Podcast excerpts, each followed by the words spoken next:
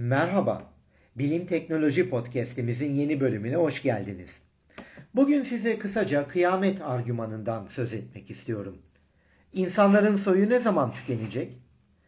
Siz doğan 100 milyar önce insansanız ve ortalama ömür 77 yılsa ve nüfus her 100 yılda ikiye katlanıyorsa 3000 yılında 7,7 trilyon insan olacak ve 3000'e dek 17 trilyon kişi doğacaktır.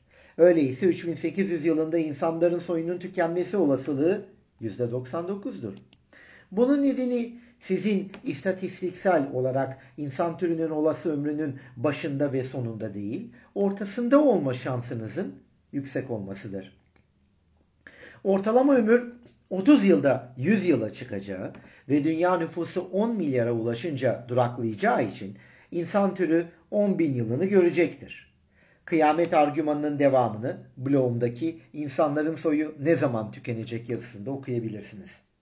Her durumda insan türünün yok olmasını engelleyemeyiz. Ama şansımız varsa başka bir canlıya evrim geçirerek veya teknolojiyi kullanıp akıllı tasarımla başka bir türe dönüşerek varlığımızı sürdürebiliriz. İnsan türünün geçmişini blogumdaki gerçek Adem, ilk insan ne zaman yaşadı yazısında görebilirsiniz. Yine de kıyamet argümanı ile ortalama insan ömrü arasında istatistiksel bir ilişki var. Kıyamet argümanına göre nüfus ne kadar hızlı artarsa sizin insan türü ömrünün ortasında olma olasılığınız yüzünden. Türümüzün soyunun kısa sürede tükenme şansı da o kadar artar. İşte bu yüzden doğa bize Grönland köpek balığı gibi 400 yıl ömür vermedi. 70 yıl ortalama ömür türün devamlılığı için en iyi ömürdür. Bunun detaylarını da 400 yaşındaki köpek balığıyla ölümsüzlük yazısında anlattım. Elbette insan zihni ve bedenini teknolojiyle geliştirirsek ölümsüz de olabiliriz. Ancak yeni bedenler klonlayıp beynimizi yüklemediğimiz sürece en fazla bin yıl yaşayabiliriz. Çünkü kaza, cinayet ve benzeri ile bin yılda ölme olasılığımız yüzde yüzdür.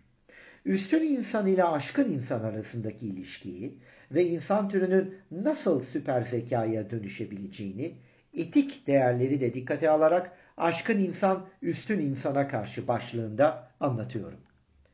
Sonuçta beden hackleme ve vücut interneti yazısında görebileceğiniz gibi bunlar artık bilim kurgu hayallerinin konusu değil, bilimin konusu. Çünkü beden hackleme ve vücut interneti ile çoktan transhumanizm akımını başlattık. Bilim ve Teknoloji podcastimiz ile Kozan Demircan Bilim Bloğunu takipte kalın, bizi dinlemeye devam edin.